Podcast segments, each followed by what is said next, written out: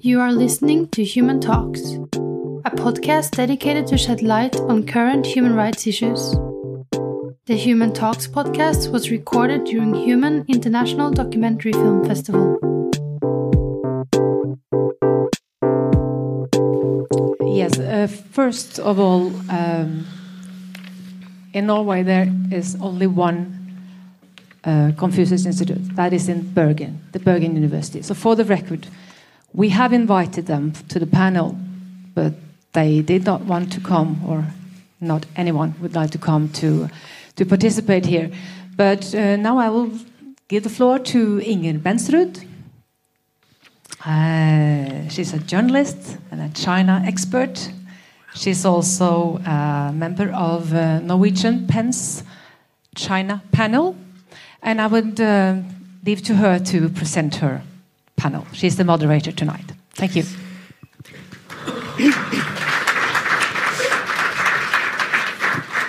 Hello, can you hear me? Is the sound okay? Yes, let me introduce you to the panel. It's Lester Shum. Mm. He is one of the Hong Kong student leaders, and he was also active during the umbrella protests. And then it's Halvor Eifring, who is a professor of Chinese studies at the University of Oslo. And then it's Jostein Kobbeltvedt. He is the leader of the human rights organization uh, or uh, Raftostiftelsen in Bergen, probably. But I would like to have some background stories concerning the question of academic freedom in China. And first of all, our uh, Hong Kong guest, Lester. Can you please give us a short history of the demonstrations in Hong Kong and your own role in it? We know that it's a question concerning the election system and uh, the rule of law in Hong Kong. But some years ago, there was also protests against Beijing's efforts to change the curriculums in schools into a more patriotic and Beijing friendly content. Um, hello, can you can you guys hear me? Maybe I can um, share the very background information about Hong Kong's protests. Since the handover of Hong Kong from the British government to the Chinese government in 1997, uh, up till this point, um, since the outbreak of the last year's movement, and including 2014 umbrella movement and 2012, the anti-moral and national education controversy, and it is basically framed on one thing: we are anti-Chinese authoritarianism in Hong Kong. As you all know, that Hong Kong has been enjoying certain amount of um, certain level of freedom and then certain level of liberty, although we do not enjoy full democracy, and then we expect our government to be accountable to citizens. The Chinese, the Chinese government does not Hong Kong to become in this way. Although we promise one country, two system, we can enjoy a system um, fundamentally different from the Chinese government. Um, we have enjoyed, we have promised this system to remain 50 years unchanged.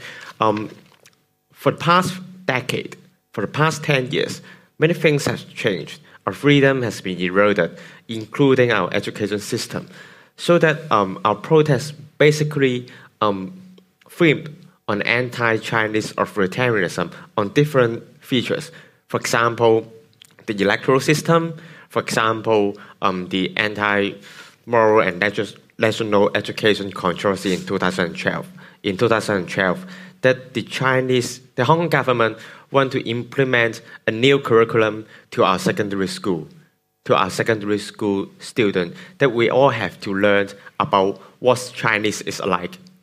Of course, with zero criticism and zero um, disadvantages of the Chinese government, uh, Chinese Communist Party ruling in China. So that we are, we are they're going to train our children to be one of those um, Chinese people raising the flags, um, singing the songs of the Chinese Communist Party. So that many Hong Kong people, including our parents, including myself, come out to protest against this curriculum, and then eventually it was suspended in 2012. So that's the major theme around the past decade of Hong Kong protests. Mm. Yeah. Yes, thank you. And uh, Halvor Eifring, uh, being a Chinese professor, you have been denied a Chinese visa. Uh, we know that the people of the embassies uh, will not give an explanation to that. But how, what exactly is your own theory about the denial? I think it's very clear because uh, I was allowed to visit China uh, all the way until 2010, and uh, even after the um, the uh, Peace Prize to Liu Xiaobo was announced, I was still able to go to China. But after the um, ceremony in the Rådhuset, uh, where I had a very, very minor role reading aloud in Chinese some of the things that were said there, uh, so that my name occurred on the list of uh, contributors. Uh, after that, I got a message from a friend who also was had uh, close contact with the embassy that this was going to be problematic. And it turned out to be. After that, I have not been able to go to China. I haven't tried the last few year, two years, so I don't know if that has changed. But uh, at least for those eight years, it was impossible for me to get to China. Mm. So, um, and um, uh, I could also mention, since uh, one of the things that uh, we are concerned with regarding China is uh, whether or not they are spying on us. You, you will never get sort of uh, actual proof of that, I think. But what you would get is sort of indications. And uh, one indication is one of the times that I was called to the uh, consulate, Chinese consulate here, to retrieve my passport, but uh, uh, without a visa. Mm-hmm. I had to wait for quite long. And uh, when the lady finally came out with my passport, she smiled to me and handed it back. And I thought in my mind that, uh, don't think I don't hate you just because you're smiling. and I, I, wrote this in an email to my two or three closest colleagues. And uh, one week later, I was at a, a kind of activity in the Chinese embassy and this same lady came up to me and said, You don't hate me, do you? so, and that was long before we were used to uh, emails being spied on by Russia or by China or by others. So it was a very strange situation. Also, a situation in a way where you would think that there was a reason why she told me. I was supposed to know. So uh, that's all I can say. By the way, when at that time, when we asked why would I not be able, uh, able to go to China, they would say, uh, you, you, know yourself. And this answer was uh, the same all over the world. Now, the last time I was there, I also asked, why can't you give me a visa? And the lady said, I don't know. And who knows then? I don't know. And well, who knows who knows then? I don't know. so, so they have their policies, and they are slightly changing, but uh, so far, uh, at least I'm kept away from China. That's. But yeah. how, how many times have you applied? Have you counted? I haven't counted, but I guess five times, six right. times. Uh, mm. yeah. yeah. Okay, thank you. Uh, Jostein Kobbeltvedt, you have written critical articles about the Confu Confucius Institute's deal with the University of Bergen. That's the only one in Norway. Mm.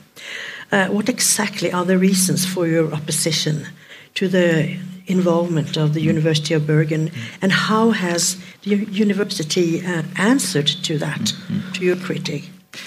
Well, yeah. So from the Rafto Foundation, um, our well, what we do, we support human rights defenders worldwide, and one of the things we do is handing out the Rafto Prize every year. And in 2004, we handed out the prize to Rebiya Kadeer, who is a prominent Uyghur leader.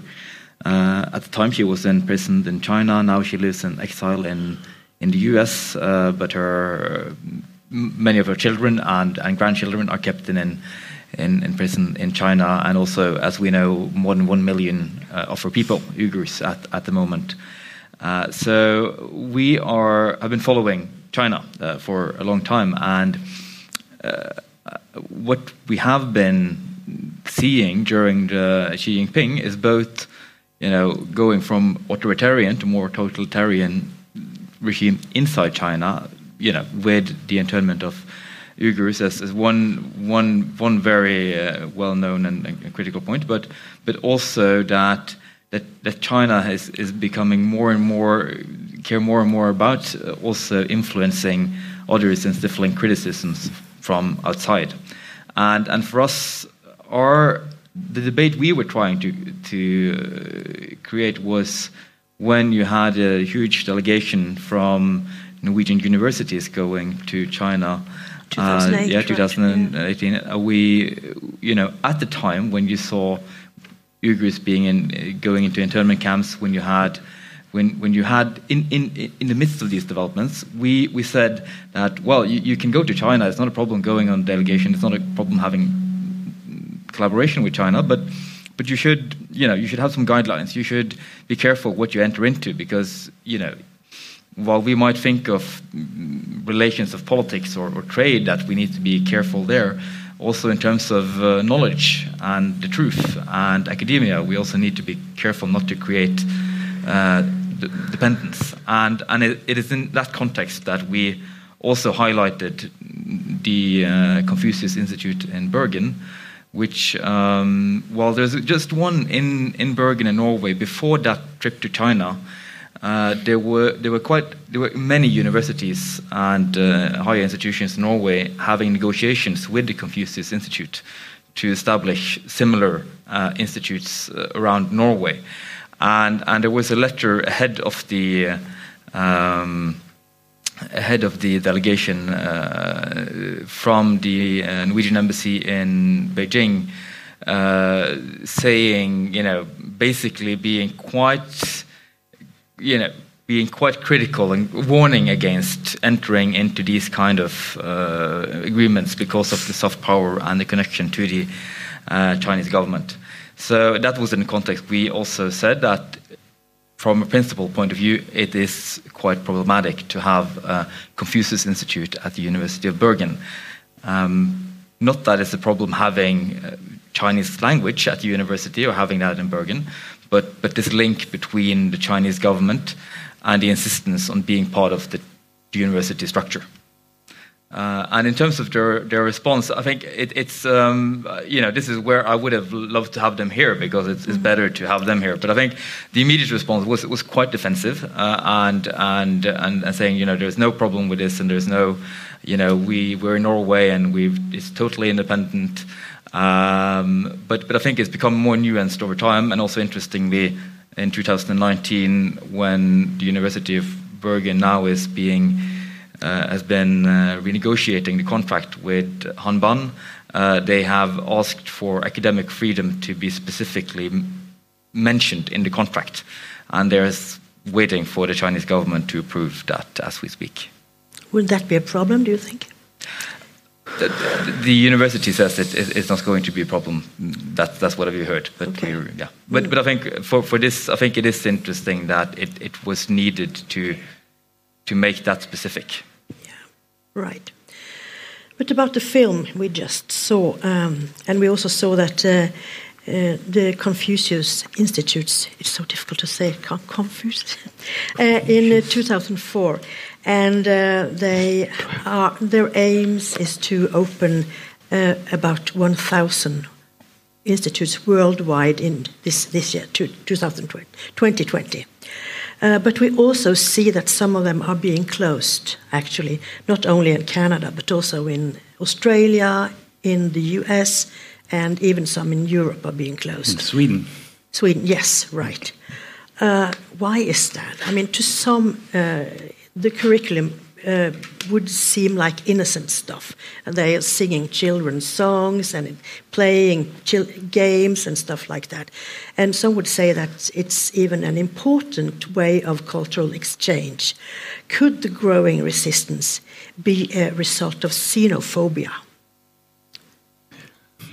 Halvor, or any other? Uh, I can start. Uh, I think uh, the there are very many concerns with the Confucian, Confucius Institute. And um, in Oslo, we have been very clear that we do not want that kind of collaboration with China. We have collaboration with China on many uh, many levels, but uh, not through the Confucius Institutes.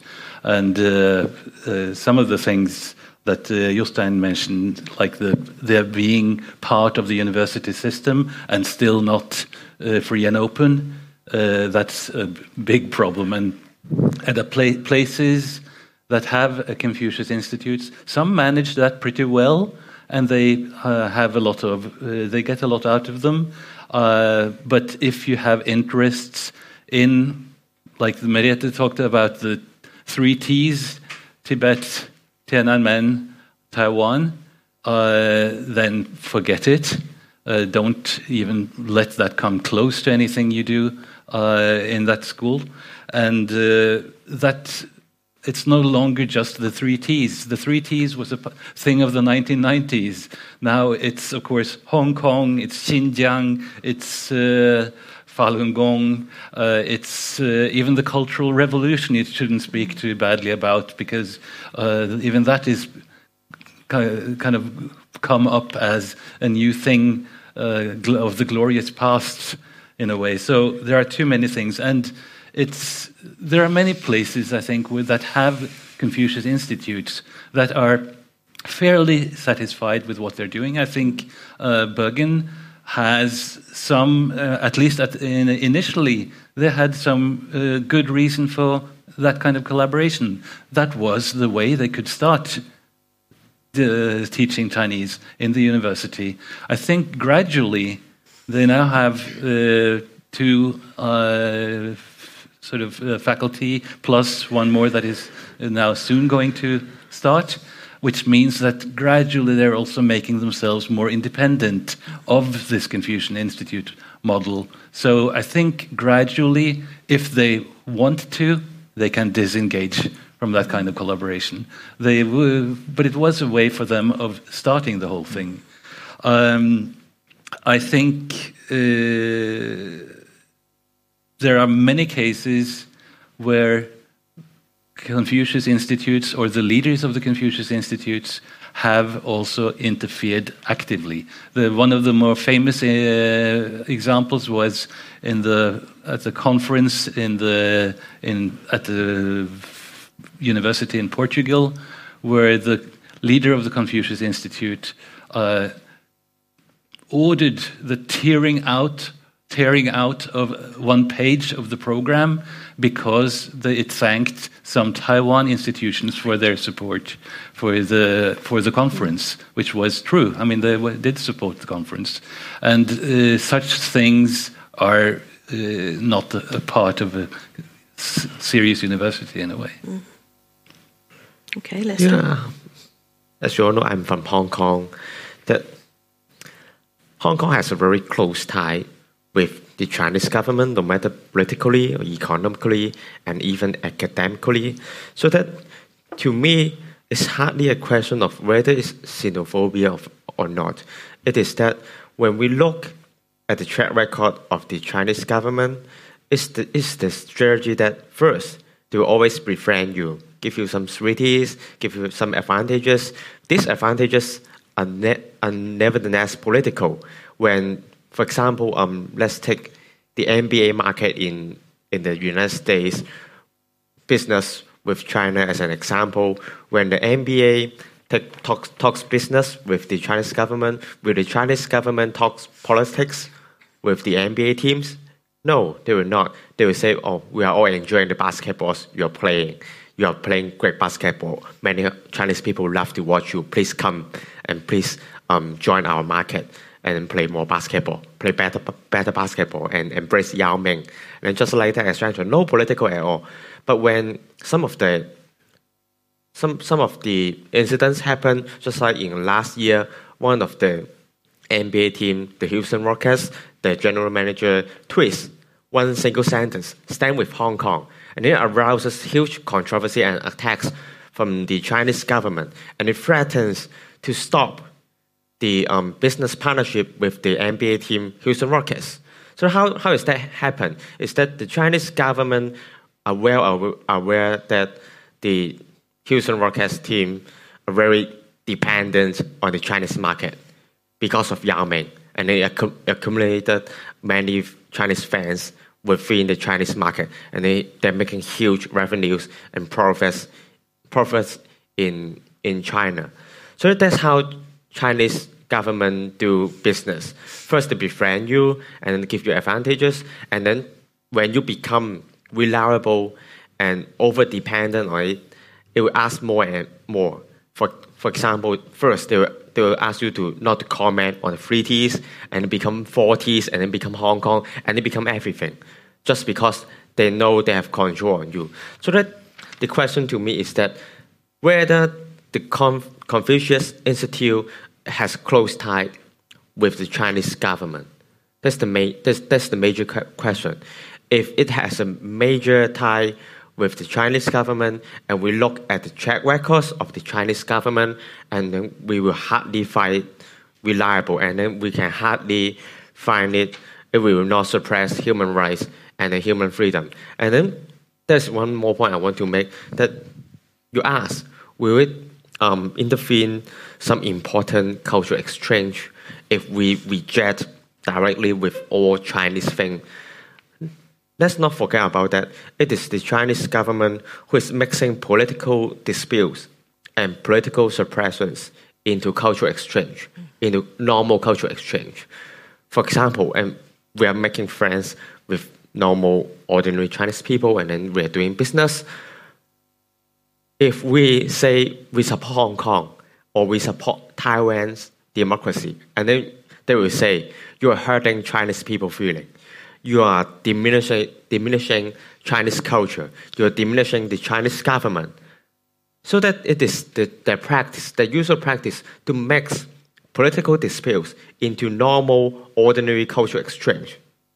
So let's not fall into that trap set by the Chinese government. Right. And, and I also think that just as uh, Lester is saying, uh, you know, it, it's standing up for human rights both here but also for the Chinese people, for people yeah. in Hong Kong, for Uyghurs, Tibet, Tibetans, uh, or you know, standing up for you know freedom of speech of doctors who are discovering the coronavirus. Uh, you know, it, it, it, it's not xenophobia. It's it's standing up for the rights of people and also the rights of, of Chinese. And and then I think we you know when we're looking at the Confucius Institutes, it's also within a context where you have many academic institutions in uh, around the world that are need to find they need funding and and they need and China is a big market. If you want to get uh, if you if you want to do research if you want to get published uh, and and so so and and and to get published what you got what you get your points as a university and you get funding. Uh, so in, in that sense it's a market. Also Chinese students are a market to to get for especially in the US and the UK where public funding for universities is getting lower. And, and, and then you create some of these dependency uh, syndromes. And we have seen with you know, Cambridge Analytica Press, who accepted to take out uh, not Cambridge Analytica, Cambridge University mm. Press. Yeah, right. Yeah, yeah. it's uh, you know that, that was not a debate, that was it.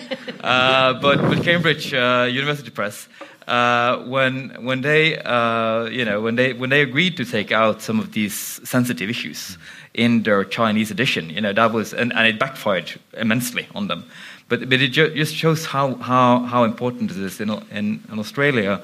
You have the foreign ministry saying that, that the influence in academia of, of, of, of, of the Chinese government is, is a threat to, to is, is, a, is, a, is a threat to national interest in Australia and and you also have these more you know obscure examples like uh, my old school at the LSE in London, where you had we have students who made a globe as a sculpture in in the square in University Square, and and and they have Taiwan in it, and and the Chinese ambassador to the UK is threatening the LSE. Uh, with uh, trying to close down agreements if, if they don't change this. And also at that time, LSE actually stood up. But we have seen many universities uh, uh, not standing up. And, and what I find also interesting with when, when, when we started also this debate is, um, you know, we, we, we, we kind of just, you know, wrote an op-ed saying, you know, maybe there, you know, there's something you should think about here when you have these kind of collaborations. But we have received a lot of feedback from researchers and, and academics who are feeling that when universities and the leadership is pushing, you know, we, we are, you're going to collaborate, we need more, you know, we need to go into the Chinese market. Uh, it's difficult when you're sitting there having ethical dilemmas as a researcher. You know, should you, you know, can you be vocal on these and these issues? Can you write these and these conclusions if you don't get a visa to your research object? You know, will your university stand, stand up for you? What happens if your research, if, if what you, if, if what you're writing, put your, you know, fellow researcher in China in, in danger? Uh, how do you, what do you do if, if, if the data you're using is, is uh, being uh, taken from uh, heavy surveillance in Xinjiang and East, East Turkestan or, or, or other ways and, you know, is, is unethical? And, and in these cases, we need universities to have some guidelines and show that they're standing up, and, and I think also show that they are not afraid to address um, and talk about these issues right. Uh, but we have seen some uh, shocking examples uh, of the destruction of uh, academic freedom in China recently. For example, the changes in the charter of Fudan University in Shanghai last December, where the expression academic independence and freedom of thought was deleted from the charter. And similar actions have been taken in universities in Nanjing, in Wuhan, and Renmin in Beijing earlier this last year. Last year. And this is done to sort of further stress the party's overall leadership of university work, or to emphasize the comprehensive leadership of the Communist Party. What does it mean in real time? what does it mean for those universities who have their charters changed? What do you mean by what does, what does I think it's pretty well stated that the university must be always following the steps of the Chinese Communist Party, and the leadership of the Chinese government has always be correct academically. That's what it means. That's basically the total erosion of academic freedom in China. For example, eh, in fact, there has been some numerous cases. Hong Kong has been facing the same crisis of academic freedom um, in recent years. Hong Kong, some of the Hong Kong professors um, who has been liberal in mind, they have a belief that if we go to China, different Chinese university, we can enlighten different um, Chinese people and Chinese students, and can, we can change the culture of the um, different Chinese universities. And but since the outbreak of the um, different fierce political movement since 2014, many of those liberal professors have been barred, even barred from going, going back to China. Yes. Not to mention to open courses or teaching Chinese students. So that, that we are, we are receiving signs that Chinese, the Chinese government is refusing the mainland China to enjoy any kind of academic freedom when it seems that those academic freedom may be critical or even harming the leadership or legitimacy of the Chinese government. Yeah. Right. That's pretty much the case. Yeah. Yeah. Another thing it means is that, uh, for instance, foreign textbooks are most often not allowed anymore, uh, which means, in some subjects at least, that you have to rely either on things that you, as a teacher, produce yourself, mm-hmm. or you're stuck with uh, some ideologically very problematic things, which uh, then hail the Communist Party or Mao or whatever. You uh, also have the problem that. Uh, in a way, it's it's very well done. They're they're become very much adept at doing this kind of propaganda work inside China also now, uh, in the sense that some of the really good uh, academics are extremely well paid. They're extremely uh, well treated to houses and things like that, which means that they also have a lot to lose, uh, and uh, which is a very good way of disciplining them rather than saying you can't say this, you can't say that. No, we're treating you extremely well. and but that means you you don't want to lose that kind of treatment, and uh, these people much of the time they don't speak between themselves about this, but they are able sometimes to speak to foreign academics about it. So that is, in a way, on a small scale, uh, an argument in favor of academic collaboration with China to the extent that this is a kind of channel where people can also uh, talk about reality as it is, not just as it's defined on top. And in a way, it's, it's, uh, it resembles the way religious organizations are treated in China, uh, where, for instance, the uh, there are two. Uh, many people know that there are two Catholic churches in China. There are two Protestant, at least two, many perhaps Protestant churches. It's the official one and the non-official one, and the official one will always have to place loyalty to the party uh, above loyalty either to the Pope or to uh, the religious authorities. So, uh, uh, in a sense, that's what's happening also in academia that the loyalty to the party goes before loyalty to the truth in a, in a way. So, uh, So, do you have to be a party member to get a, uh, to Not- be a professor or things like that? many cases, yes, uh, not in all cases. Well, I remember that's for a long time back, 20 years ago. Uh, I was in China when I could go to China. I, uh, one professor who was not a party member said that uh, that's actually quite a feat. I'm quite proud of that, that I've become a professor without being a party member. So it's not an easy thing. You, you should, in a way, show your loyalty by not only being a party member, but aspiring to be one and doing the things that are necessary to become one. And I also think, what you know, the, the example from Fudan University, where you where you you took out, you know, the freedom of uh, freedom of thought. Uh, uh, you know, this is this is also where you have the Nordic Center, and and where I think most universities and and uh, uh, academic institutions have a, have a collaboration with this institution, where you've taken freedom of thought out of out of the, the their principles.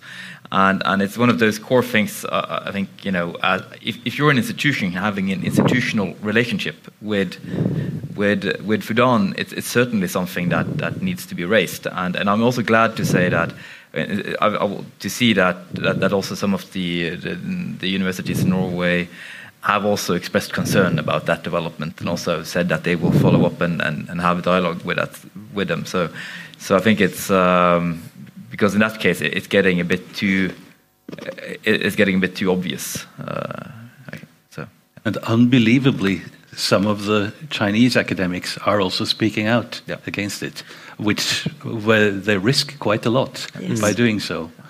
Uh, and in a way, it doesn't really matter that much whether that is in the charter or not. The changing the charter is just adjusting the charter to realities. It's a long time since uh, not Fudan, but uh, Peking University uh, used to be a place that prided itself of being independent politically.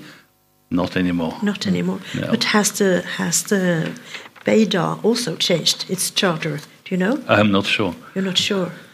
Uh, I just read uh, in some um, university uh, newspapers that some people are suggesting that Chinese universities should be excluded from the international charter community. It's called the Magna Carta of universities, or ranking lists and things like that. That's really important. Um, if they do not reaffirm their commitment to freedom and uh, autonomy, is that a good idea? And what could the results be in the long run? if they are sort of Yeah. getting isolated from the rest of the world's academia. As I told you before we started, that was the question I hoped I would not be have to answer. I'm sorry. but uh, You have to speculate on that. yeah, uh, I don't know. Maybe the others have any idea about it. well, I- I think from my I- I'm I'm I, I wouldn't I would be careful with academic Uh, we need to we need to talk. We need to collaborate. Uh, I, wouldn't. I would be. Uh, no, I'm not, not. I'm not so fully into exactly that discussion on on on, on that. But but it. but it's covered. It, it is an important question when when you see uh, the direction of uh, Chinese academia. Uh, so it's an important question being raised, but but I'm I would be careful cutting off ties. I think it's more important that we are very aware of what are you know where our red lines are, and and that we don't let the collaboration affect how we uh, uh, you know conduct our business here as well. When you have Australian universities, you know who don't dare to to receive the Dalai Lama, um, you know that's when you see you know that in this influence is also influencing us. Uh, I'm, I'm, still I'm still hoping that universities in Norway can host uh, host prominent uh, Uyghur activists or the Dalai Lama or do something in, in, in, public to that could also show that you know we're not affected. Uh, but I think that's more what you, you need to do. Mm. Um, and um, yeah, and, and, and, and, and there are also a lot of concerns here about you know if this is counterproductive for China as well because how can you do good research? How can you become the best in the world yeah. with without having freedom of thought, without having uh, you know the liberty to discuss and to think and, and to and, and how so so there is a paradox here also from China, for China because they want to be they want they want to be be the best, best to support their economy and economic growth and and and and, and that's also um, that's the puzzle for uh, the China Chinese Communist Party to solve also. Mm. But is it becoming increasingly difficult for Chinese students to go abroad? Because we've seen uh, examples in the US and also in Australia, I think, that they are being monitored from the uh, local, uh, from their own embassies. So if they're sort of um, dissidents, getting more, more and more uh, um, contra China, Chinese uh, thoughts, they are getting uh, in trouble. Have we seen anything like that in Norway? We don't have that many Chinese students here as of yet, but.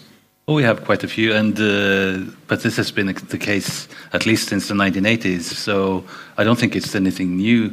They may, it may be more efficient now than it used to be, and maybe I don't really know, but maybe the consequences are uh, harsher now than they used to be. But the, the fact that you were monitored, that's been the case for 30 years or more. So that's not a new thing.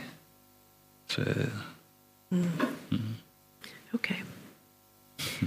anyone would like to add anything or anyone having questions in the audience? Hello, my name is uh, Adiljan Amdrim. I'm from uh, Norwegian Uyghur Committee. I have a question uh, for the panelists. Uh, we know that uh, it has been discussed a lot about the uh, Confucius Institutes and the, the, impact and how it's kind of influence. And it's soft power of the China, and they try to self censorship, uh, use self censorship in academia. And there is uh, some of the allegations of the espionage and other related things, and we have heard and have seen the film. But still, why don't we see that Norway?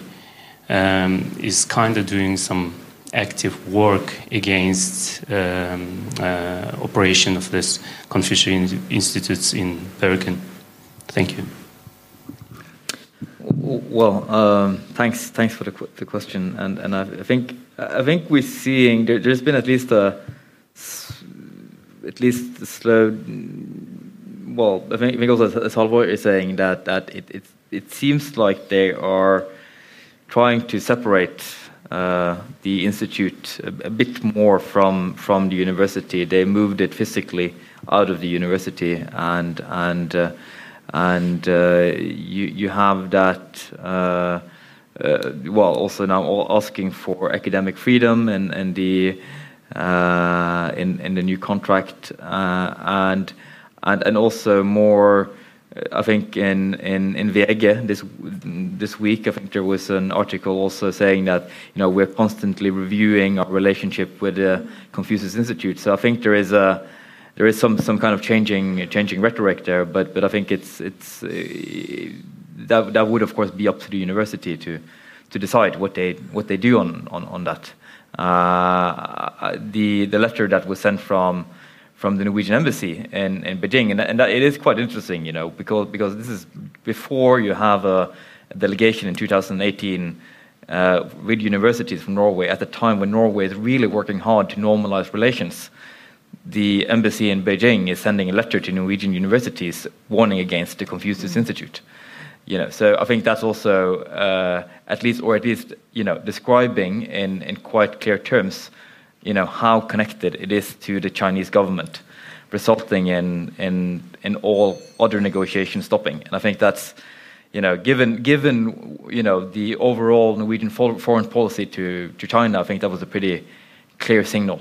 Uh, I think maybe uh, things uh, or cases like the Uyghur or Xinjiang uh, question, the Tibet question, the Taiwan question, the Hong Kong question, uh, Tiananmen as a kind of historical uh, break in Chinese history. All these things are, I mean, the, the Confucius Institutes play a role in this, but they're not the only thing. That's a very minor thing in the big picture, I think. I think whether it's spying or Chinese media sort of uh, encroaching on us or uh, cultural centers, cultural influence in other case, in other contexts, or the business influence, the influence that comes with business, or other kinds of academic collaboration, uh, or publishing, as Jostein mentioned, or the, just the fact that the airlines are asked to call Taiwan not Taiwan but Taiwan China. Uh, all of these things are part of a large uh, process in which uh, one is very consciously con and conscientiously over the years gradually encroaching on what uh, would be. It's not as if they're limiting our freedom.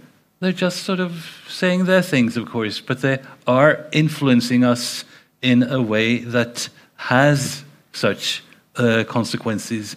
And the most obvious case is, of course, the agreement signed by the Norwegian government with China, which, in a sense, doesn't say anything wrong, except that Norway is there sort of has a duty to be very much in favor of and understanding of uh, the Chinese uh, sort of what they call their special interests in all cases, whether it's the South China Sea or Taiwan or uh, Tibet or uh, Hong Kong or Xinjiang. Uh, so it is also a very problematic thing that we are going to see much more of as China grows. Mm. And the Confucius Institutes are just one part, part of that. It, yeah. Mm. yeah. Mm. And it's the economy stupid. it is, to a large extent, yeah. that's uh, definitely true. Yeah. Anyone else? Um, maybe I should ask uh, Halvor about that. Uh, the we have heard, or it has been uh, revealed in, in the in the United States that Harvard and Yale has received a huge amount of money from from uh, China, and it is about transparency how I mean I'm, i agree that Confucius is a is a is a minor thing here because the uh, the financial piece is so is so huge. Hmm. Uh, how is the transparency in the Norwegian academic world on funding from China or funding not maybe not directly but indirectly via Norway? Is there anything not very transparent to me. But that's that may be my problem, uh, in the sense that I don't know. But uh, but uh, I think the degree of transparency in Norway is perhaps quite quite high. Uh, but I, I don't know of, of, specific cases where it would be a problem. With the Confucius Institute, it's it's not that it's not transparent. It's just that it's uh, something that we may react against. Mm. In the case, in other cases too, I don't know of any specific cases where it is not quite clear that here there are Chinese economic interests uh, involved, and therefore some of their uh, Norwegian collaboration partners may choose to avoid certain topics. I think that is often quite clear. Uh, and in a sense, also sometimes understandable. So, uh, but uh, to what extent there are there are cases where that are less transparent, I'm sorry, I don't know. Maybe some of the others. Well, you wouldn't know about Norway, perhaps. Yeah. but, but, it, but it has been, and it's not only Chinese funding. You know, in the UK, you've had with uh, Russia and Saudi Arabia and and, and so on, uh, and and so uh, it's it's it's it's also a, you know there's a larger discussion about academic freedom, but also about uh, funding for uh, universities and and what happens when when universities need to go out there on the market and uh, and get their own funding and when public funding for universities is, is, is going down. So it's, it's one of those consequences. Uh, but, but, but obviously, you know, you need uh, transparency on that. And I think uh, in terms of just, in, in, terms of also what you say, Halvor, about the, all these relationships that, you know, where China is, is having influence, I think, you know, it's, it's obvious there are on many many areas. Confucius is probably you know not the most important, but but it is interesting that, that we often think about trade. We think about we, we you know we think about you know or Norwegian foreign policy or or those when we when we when we talk about the influence of China, but but but that but also having in mind that also you know truth, knowledge. Uh, is an important and, subtle way of influencing, and, and, and, and that's also why it's so important to, to look at this within academia. And, and sometimes um, it's a bit, uh, sometimes for academia, it can be a bit new to be looked upon in that way as well. And uh, uh, but but but my, my experience is, is that many academics are are facing a lot of these these challenges. You know, you need to get funding for your projects. You need to do all of these things to to to do what you you know uh, do your work and uh, and and you get into some ethical dilemmas and uh, we want universities and leadership at universities to be uh, to be um, upfront and aware of them and leading on on having clear guidelines and supporting their uh, their academics uh, when they are in the midst of all of this. But we see in, uh, in the West a lot of uh, governments and politicians, they do not speak up against Chinese uh, aggressions or suppressions of uh, minorities. So what, why should universities do that? it's very this, that's the very essence of academic freedom, I guess. When an authoritarian regime is threatening globally to the value of, of human rights and liberty, it is the very basic spirit of academic freedom to speak out against, at least to me. Yeah. So I think it's there is something at the heart of uh, academia that uh, is very much in in conflict with this kind of way of uh, wheeling and dealing. Yeah. Hmm? Wheeling and dealing. Yeah. Yes, mm. but as you say, it's to some extent, for some people, that is also necessary. That's the way they can get the things done. So it's not as if we can just stand there and be sort of, uh, I don't uh, collaborate with China and be mm. proud of that, because some people have to, need to, and uh, should absolutely mm. collaborate with China. And then there are things you also need to uh, be silent about, unfortunately. Mm. You can be explicit about that and uh, but uh, you can't avoid it at, in all cases. Mm.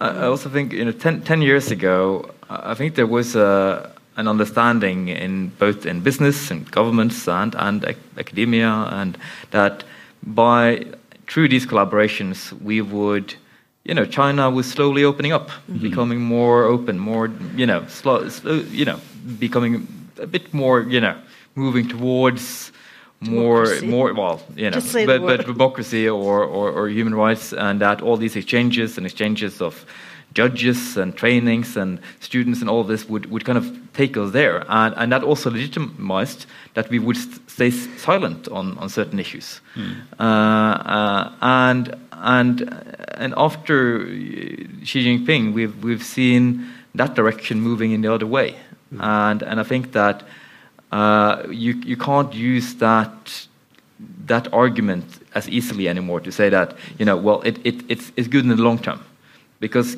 currently we see it's it's going the opposite direction. We're seeing actually that that influence is is is the, the exactly opposite happening. It's, it's, it's businesses, governments, and and and also to some extent then universities uh, being more more influenced than all of us, or or basketball teams or football teams, not daring to you know. Uh, stand up and, and, and say when you have one million Uyghurs being imprisoned in Xinjiang. So um, uh, it, one one example from the when you're talking about governments, there was actually governments, you know, 25 governments, Europe, many of them European governments. Norway was one of them that signed a letter uh, during the Human Rights Council last year, uh, at, you know, try, raising concerns and criticism of China over um, the treatment of the Uyghurs. And so 25 of some of the most powerful governments in the world signed none, none of them dared to read it. None of them wanted to be the one government reading that. Uh, and, and, it just tells you how, how, you know, what this is doing to us. So uh, I think it's important that we all, you know, but dare you, to draw a line. Did you know that there were 37 countries writing a letter with the exactly opposite oh, yeah, yeah, content? Yeah, yeah. So, I mean, mm. what, what do the Chinese government believe? when they get those two different letters, and one is obviously much stronger mm. than the mm. first one. Mm. I think since we have a representative from uh, Hong Kong mm. here, uh, I would like to just quote uh, one person in Taiwan who said at a point, because at that time people were calling for people in Taiwan to sort of help the protest movement in Hong Kong. And then uh, this person said that it's actually not us helping the Hong Kong people. It's the Hong Kong people helping, helping us mm. because this will may soon be our uh, own destiny. Mm. So, uh, in that sense, uh, you are doing a work, uh, job not only for yourselves but for other parts of the world as well. So, mm. and that at some point, not in the in the in the near future, but at some point, this may be relevant even for Norway.